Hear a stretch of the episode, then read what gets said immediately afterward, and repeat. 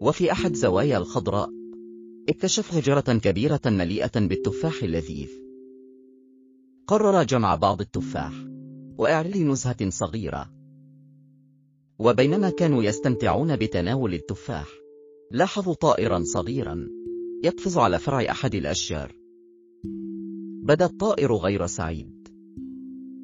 سلت نور الطائر أهلا بك هل أنت بخير؟